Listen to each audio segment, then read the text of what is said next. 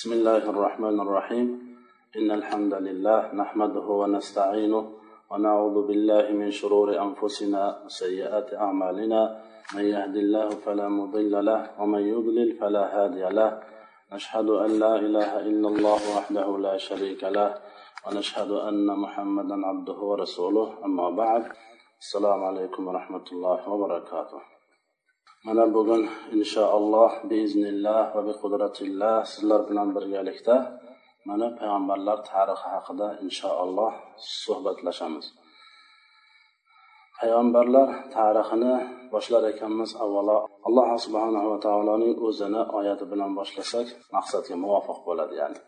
Alloh taolo qur'onda aytadiki astaidu billah نحن نقص عليك أحسن القصص بما أوحينا إليك هذا القرآن وإن كنت من قبله لمن الغافلين سورة يوسف تكيلات بآيات biz sizga qissalarning eng yaxshisini hikoya qilib beramiz deydi agarchi siz bundan oldin bu haqida umuman ma'lumotingiz bo'lmasada biz sizga hikoya qilib beramiz deb alloh taolo qur'onda aytadi endi bu yerda ulamolar o'rtasida ozgina bahs bor Nima uchun alloh subhanava taolo ahsanal qasas deb nomladi? Ya'ni bu sura yusufda ya'ni faqat yusuf alayhissalomni qissasigina qissalarning eng yaxshisimi? Boshqa qissalarchi degan savol paydo bo'ladi. Masalan alloh taolo yusuf alayhissalomdan boshqa payg'ambarlar haqida ham qur'onda zikr qilgan eslatib o'tgan. Masalan muso alayhissalom to'g'risida gapirgan iso alayhissalom to'g'risida gapirgan odam alayhissalom to'g'risida gapirgan ularga nisbatan eng yaxshi qissa yusuf alayhissalomni qissasimi degan savolga ulamolar har xil javob beradilar. Va ba'zilari shunday deb javob berganlarki yo'q boshqa butun qissalarga nisbatan. Dunyoda qissa judayam ko'p. To'g'rimi noto'g'rimi asli bo'lganmi bo'lmaganmi ishqilib qissa judayam ko'p. Lekin alloh subhanava taolo qur'onda zikr qilgan qissalar muso alayhissalom iso alayhissalom odam alayhissalom shu jumladan yusuf alayhissalomni qissalari haqida ham gapirgan hammasi eng yaxshi qissa o'shalar deb ba'zi ulamolar shu oyatni tafsirida shunday deganlar. Va boshqa bir oyatda alloh taolo aytadiki ya'ni biz sizga ularning qissalarini hikoyalarini o'zimiz qissa qilib beramiz deydi alloh taolo payg'ambarlar qissasi haqida o'zi gapirar ekan qur'onda bu nimaga ishora qiladi? Bu qissani olloh o'zi gapirib beryaptimi? Demak buni bizni hayotimizdagi ahamiyati judayam muhim. Shuning uchun ham alloh taolo qur'onda o'zi aytyaptiki biz sizga bularni hammasini qissa qilib beramiz yana alloh taolo boshqa bir oyatda aytadiki o'zi qissa qilib berganligi o'zi kifoya edi. Ya'ni bu tarixni bu payg'ambarlar tarixi va ularning hikoyalarini darajasi baland oliy bir darajada ekanligi o'zi alloh taolo hikoya qilib berganligi uchun o'zi kifoya qilar edi. Lekin boshqa bir oyatda hatto rasulullohga buyruq qilib alloh taolo aytadiki ularga hikoya qilib bering qissalarni ya'ni payg'ambarlar qissasini hikoya qilib bering.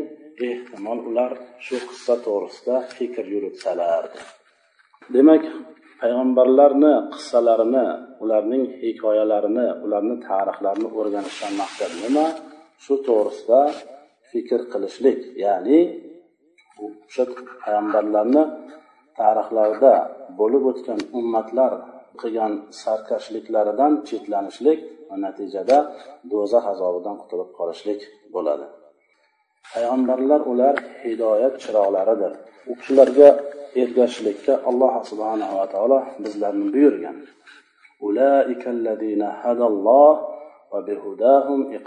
Deydi alloh taolo. Ya'ni u payg'ambarlar olloh ularni to'g'ri yo'lga boshqargan kimsalardir ular. Va ularning hidoyatlariga ya'ni o'shalarni yurgan yo'llariga siz ham ergashing deb alloh taolo payg'ambar alayhissalomga shu jumladan va payg'ambar alayhissalomni ummatlariga xitob qilib aytadi. Endi payg'ambarlar hammalari bir xil kimsalar emaslar. Ya'ni alloh taolo bir bosmaxonadan chiqqan kitobga o'xshab bir xil bo'lishini xohlamadi u kishilar ham har xil bo'ladilar ya'ni fazilat darajasida. Alloh taolo qur'onda aytadiki bu payg'ambarlarni biz bir xil qilmadik. Ba'zilari ba'zilariga nisbatan afzallik jihati bor deydi. Masalan kunlarni ichida sayyidul ayyom juma kuni bo'ladigan bo'lsa yoki bo'lmasa masalan o'n ikkita oy bo'lsa bir yilda shuni ichida eng ulug' oy ramazon oyi bo'ladigan bo'lsa shunga o'xshagan ya'ni hayotda ham xuddi shunday odamlar ham bir xil emas tabiatlari har xil va darajatlari har xil bo'lganga o'xshagan payg'ambarlar ham har xil darajatda ekanliklarini alloh taolo qur'onda sarih oyat bilan o'zi aytyaptiki deyapti. Va o'sha qur'onda kelgan payg'ambarlarni tarixlari va payg'ambarlarning nomlari bular o'shalargina emas. Ba'zi bir payg'ambarlarni tarixini va u kishilar kim bo'lganliklarini ismlari qanaqa bo'lganligini bilmasligimiz ham mumkin. Bunga hujjat alloh taolo qur'onda aytadiki minhum man qasasna alayk va minhum man lam naqsus alayk. Ulardan ba'zilarini biz sizga qissa qilib berganmiz ba'zilarini qissa qilib bermaganmiz dedi. Ya'ni bu nimaga ishora? Biza bilgan payg'ambarlar bu kishilar hammasi shu payg'ambarlar degani emas. Ya'ni alloh taolo payg'ambarlardan qaysi birlarini bizlarga hikoya qilib qissa qilib bergan bo'lsa o'shalarni nomlarini bilamiz va ularni hikoyalarini bilamiz. Boshqalarini biz bilmaymiz allohu alam. Masalan payg'ambar alayhissalomdan so'ralgan ya'ni zilqarnayn va tubba bu kishilar kimlar bular deganda payg'ambar alayhissalom aytadilarki man bilmayman ularni kimligini.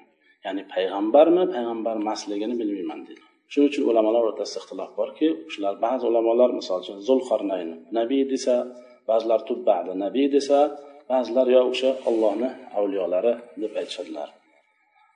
Payg'ambarlar bu kishilar osonlik bilan risolatni yetkazmaganlar. Payg'ambarlar musibatga uchraganlar va ozorni ko'targanlar.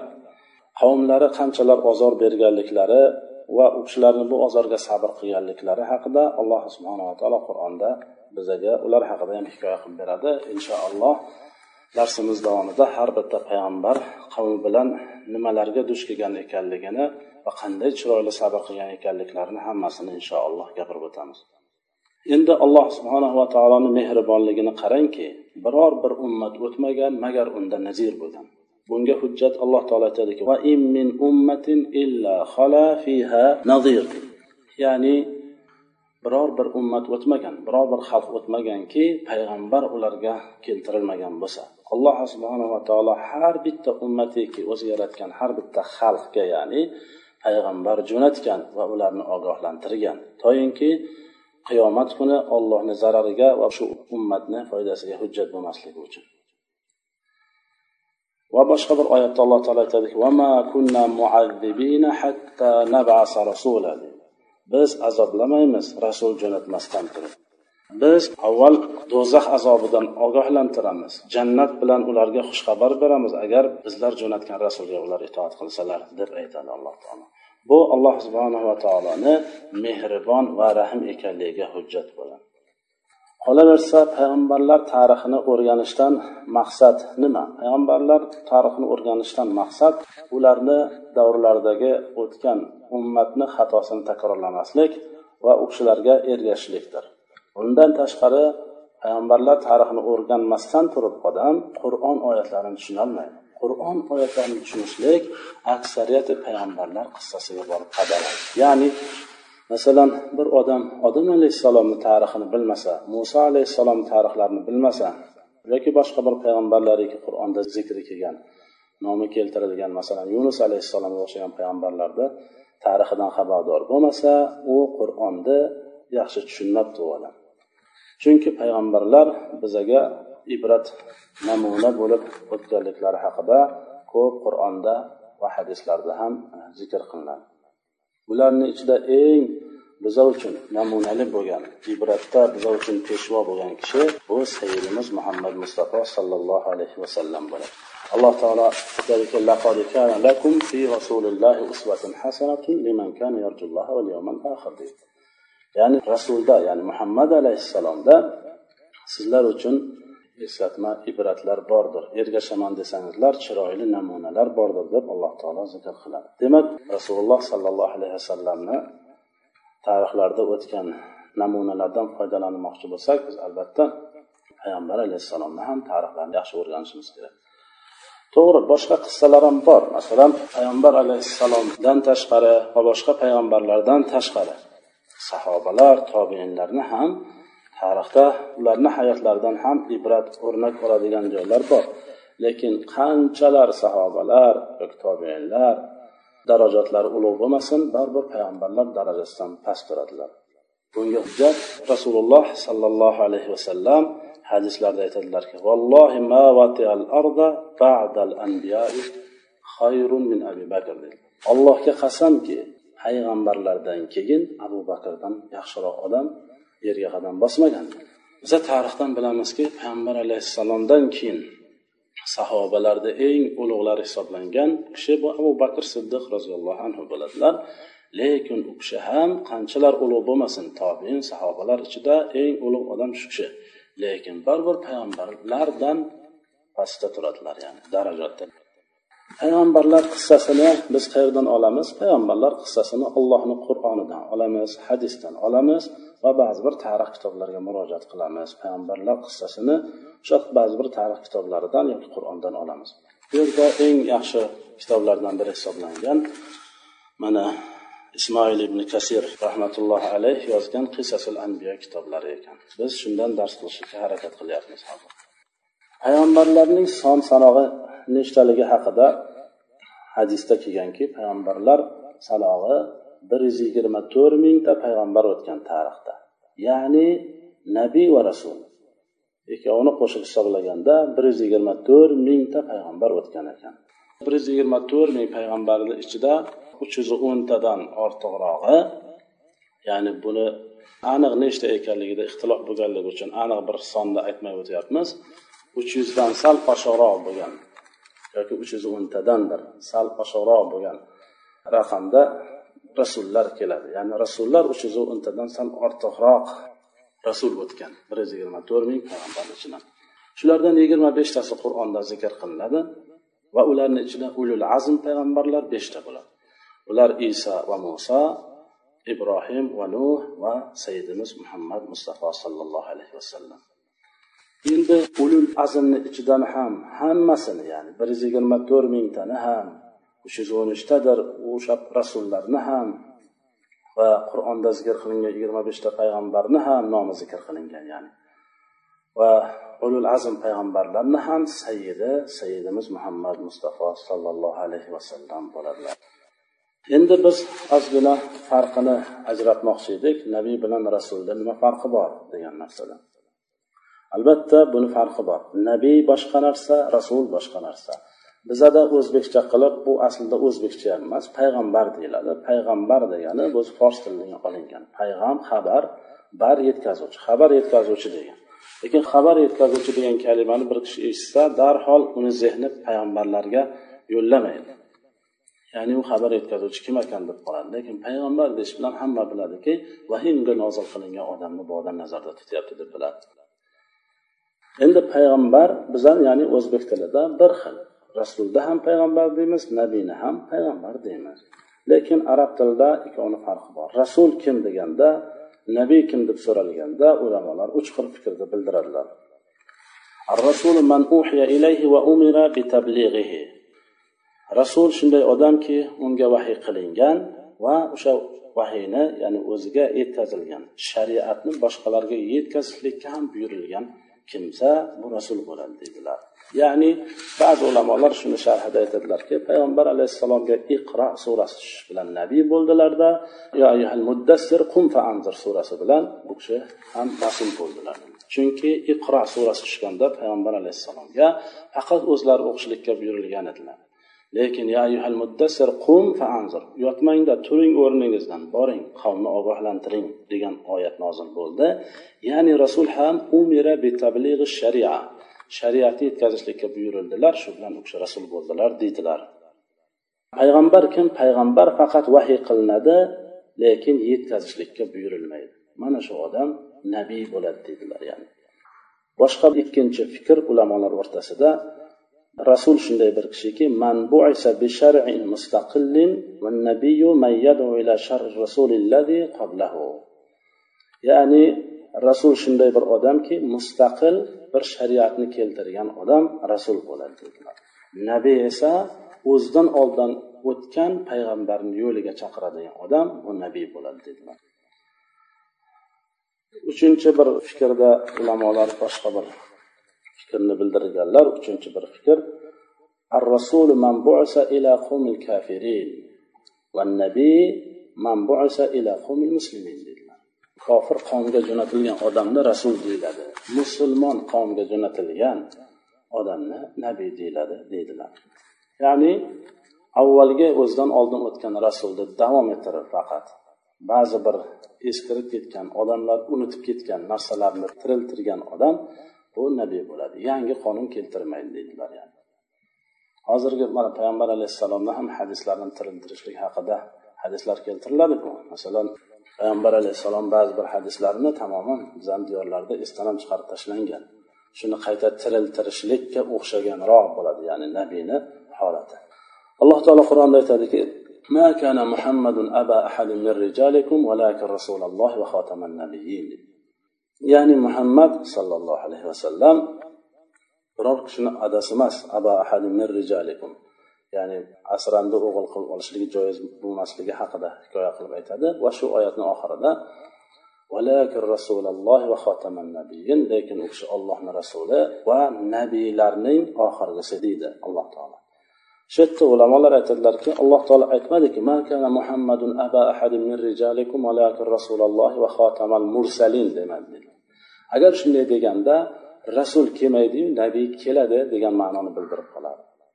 Bu yerda alloh taolo shu darajada daqiq lafzlar bilan oyatni keltiryaptiki va xotamin nabiyin nabiylarning xotami deyapti. Ya'ni agar nabiy kelmaydigan bo'lsa ya'ni nabiyni eng oxirisi rasululloh sollallohu alayhi vasallam o'zlari bo'ladigan bo'lsa demak rasul umuman bo'lmaydigan ma'no shundan kelib chiqadi. Chunki kullu rasul nabiy vala aks. Har bir rasul nabiy bo'la oladi lekin har bir nabiy rasul bo'lolmaydi payg'ambarlardan to'rttasi arablardan bo'ladi. Bu kishilarni nomlari shuayb solih hud va muhammad sallallohu alayhi vasallam. Solih va hud arablardan bo'lishlariga qaramasdan tavrot va injilda bu kishilarni tarixlarida yo'qolib ketgan. Zikr qilinmaydi. Nima uchun deganda ulamolar aytadilarki mumkinki yahudlarda arab bo'lganliklari uchun bu ikkita payg'ambar solih va hud payg'ambarlari arab bo'lganliklari uchun ularga hasadan shuni keltirishmagan deydilar payg'ambarlar hammasi erkak kishilardan bo'ladi. Birorta payg'ambar ayol kishi bo'lmagan. Bunga hujjat alloh taolo vallohu alam sura ambiyoda aytadiki biz sizdan oldin faqat erkak kishilardangina payg'ambar jo'natganmiz. Ayol kishi payg'ambar bo'lmaydi deydi chunki boshqa bir oyatda keladi nima uchun? Buni nima hikmati bor desa hikmati avvalambor alloh subhanava taoloni o'ziga ayon. Lekin ayol kishi agar payg'ambar bo'ladigan bo'lsa ular xalqni boshlashlikka to'g'ri keladi. Lekin alloh taolo ularni tabiatini bunday qilib yaratmagan. Alloh taolo ularni zaif qilib yaratgan aqlan va jismonan shuning uchun ham uyda ishni yaxshi boshqarishlikka ular juda layoqatli qilib yaratgan qavmni boshqarishlikka ular loyiq bo'lolmaydilar. Hadisda rasululloh sollallohu alayhi vasallam aytadilarki ya'ni o'zlariga ayollarni boshliq qilib olgan qavm hech vaqt najotga erishmaydi deb rasul sollallohu alayhi vasallam hadisda aytadilar. Va boshqa bir oyatda keladi. Erkak kishilar ayol kishilarga bosh qoshchilik qila oladilar degan oyatda ham alloh subhanava taolo zikr qilib o'tadi. Payg'ambarlar xususiyatlari haqida ham biroz shu payg'ambarlar tarixini boshlashimizdan oldin aytib o'tishimiz kerak. Payg'ambarlarni alloh subhanava taolo ba'zi bir narsalar bilan xosladi. Shundan bittasi vahiy. Vahiy faqat payg'ambarga keladi. Kim vahiy? O'ziga kelganligini davo qilsa bilsinki u payg'ambarlikni davo qildi. Chunki vahiy faqat payg'ambarlik muso alayhissalomni onalariga kelgan. Ila ummi muso deb keladi. Musoning onasiga vahiy qildik deb keladi boshqa bir oyatda. Lekin ulamolar aytadilarki bittagi vahiydan murod ilhom deydilar chunki alloh taolo o'zi aytyaptiki sizdan oldin biz faqat erkak kishini rasul qilib jo'natganmiz. Ayol kishiga vahiy qilishligi bu bo'lmagan narsa.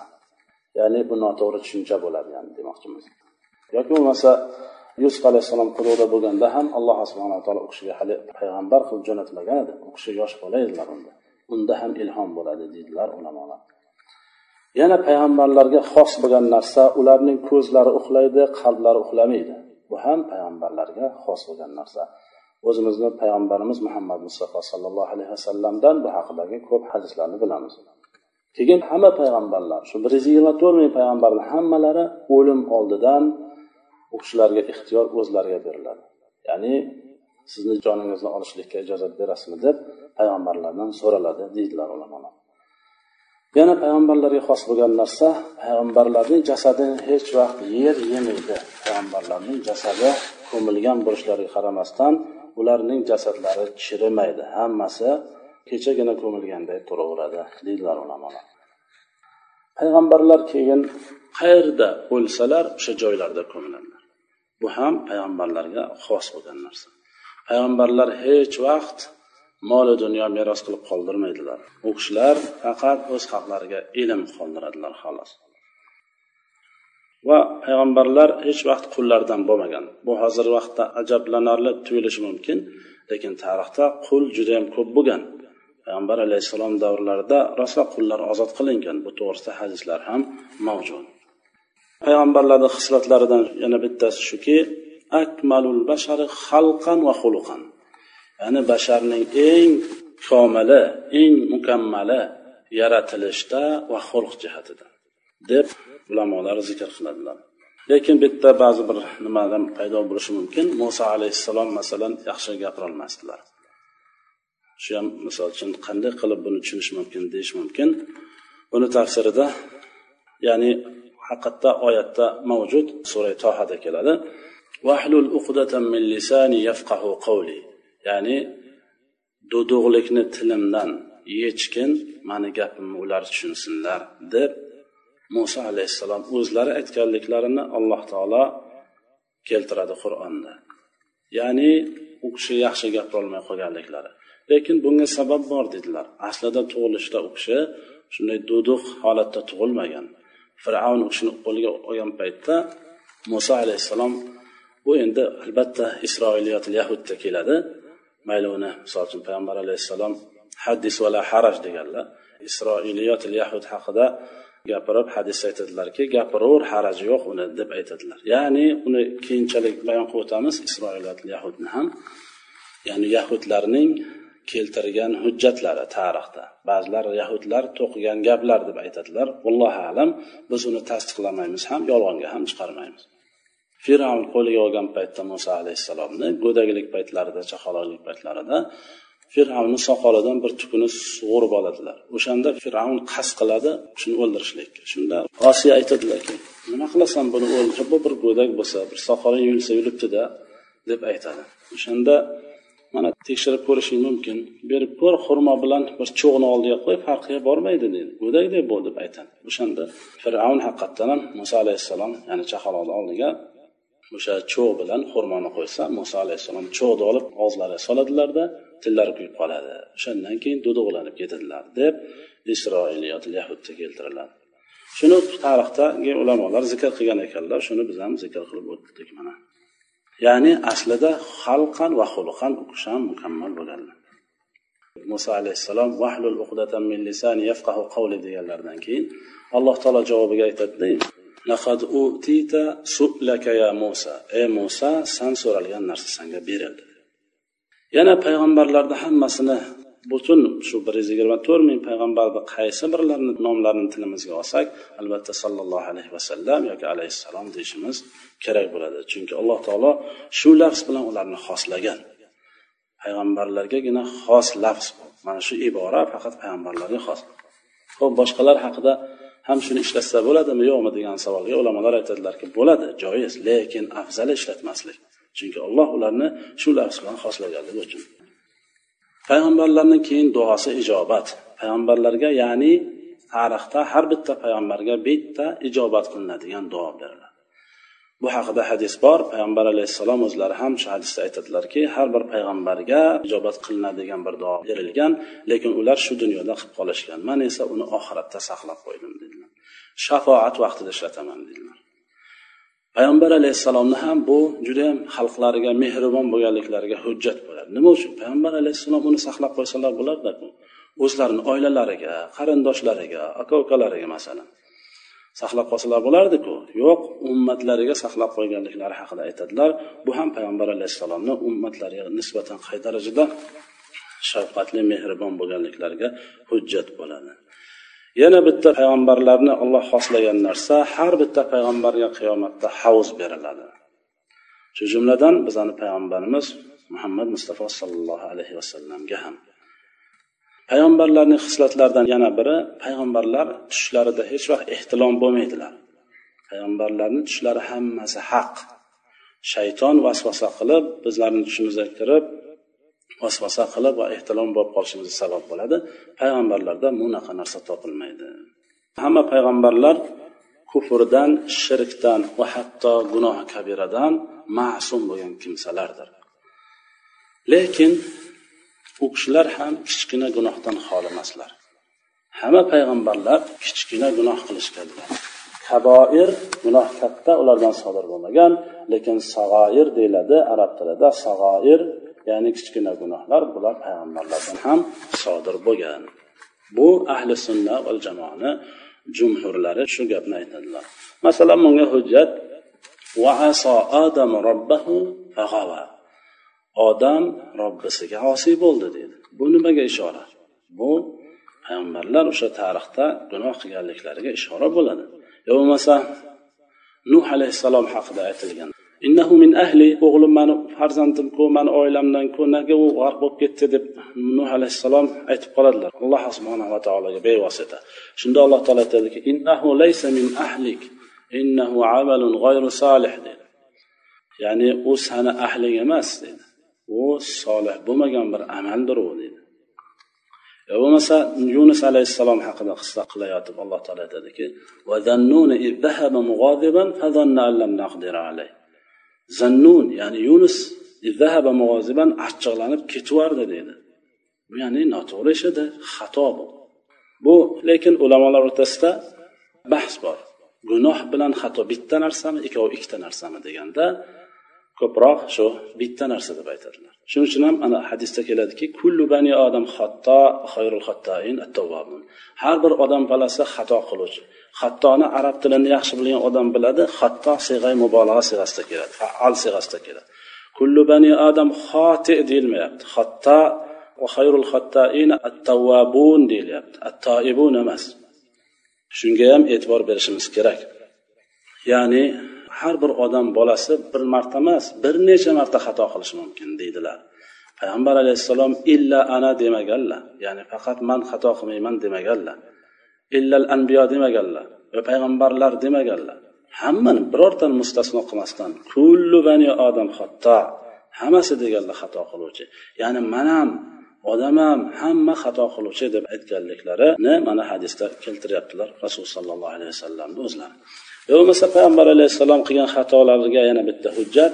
Ya ayyuhan nabiyyu lima tuharrimu ma ahallallohu lak? Tabtag'i marzota azvajik vallohu g'afurur rahim. Ey payg'ambar nimaga siz olloh halol qilib qo'ygan narsani o'zingizga harom qilib oldingiz? Xotinlaringizni roziligini deb deydi alloh taolo. Yoki bo'lmasa payg'ambar alayhissalom o'zlari mana oyatda keladi. Abasa va tavalla anjaahul a'ma ya'ni yuz o'girdi qoshini chimirdi deb keladi surada. O'sha qilgan ishlari ham xato bo'lganliklariga alloh taolo ishora qilib aytadi yana payg'ambar alayhissalom o'zlari duolarida aytadilarki min barad. Xudoyo mani xatolarimni yuvgin dedilar. Suv bilan qor bilan va do'l bilan dedilar. Bu nimaga ishora? Rasulullohni xatolari bo'lmasa nega bunday duo qiladilar payg'ambar alayhissalom degan savol o'z o'zidan paydo bo'ladi. Bu savol o'rinli ham hisoblanadi. Chunki odamni gunohi bo'lsa keyin gunohini kechirilishini so'raydida. O'shanda hikmat bo'ladi. Agar insonni xatosi bo'lmasa gunohi bo'lmasa mani kechiring deysa uni tushunmaydigan bir holat bo'lib qoladi. Shuning uchun payg'ambar alayhissalom ham xato qilganlar. Lekin payg'ambar alayhissalomni xato qilishgan bo'lishlariga qaramasdan avvalgi oxirgi gunohlari kechirilganligi haqida ham hadis bor. Oysha onamiz aytadilarku sizni avvalgi oxirgi gunohlaringiz hammasi kechirilgan bo'lsa ya'ni katta gunoh yo'q shirk kufr bular haqidaku tamoman gapirmaymiz. Lekin kichkina gunohlar bo'lsayu ularni ham yuvilgan hammasi kechirilganku deganda payg'ambar alayhissalom shukur qiluvchilardan bo'lmayinmi deganlar. Ya'ni inkor qilmaganlar payg'ambar alayhissalomki mana xatom bor demaganlar lekin shukur qiluvchi kishilardan bo'lmayinmi degan. So'zimizni oxirida yana bitta oyatni keltirib o'tamiz. Shu bilan bugungi darsimizni nihoyasiga yetkazsa ham bo'ladi.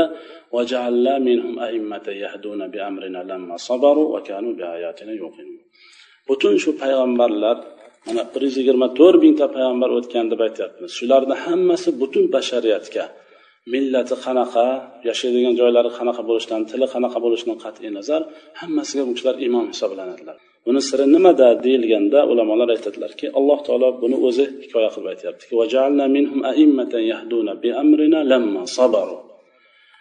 ularni biz ummatlarga peshvo qilib qo'ydik.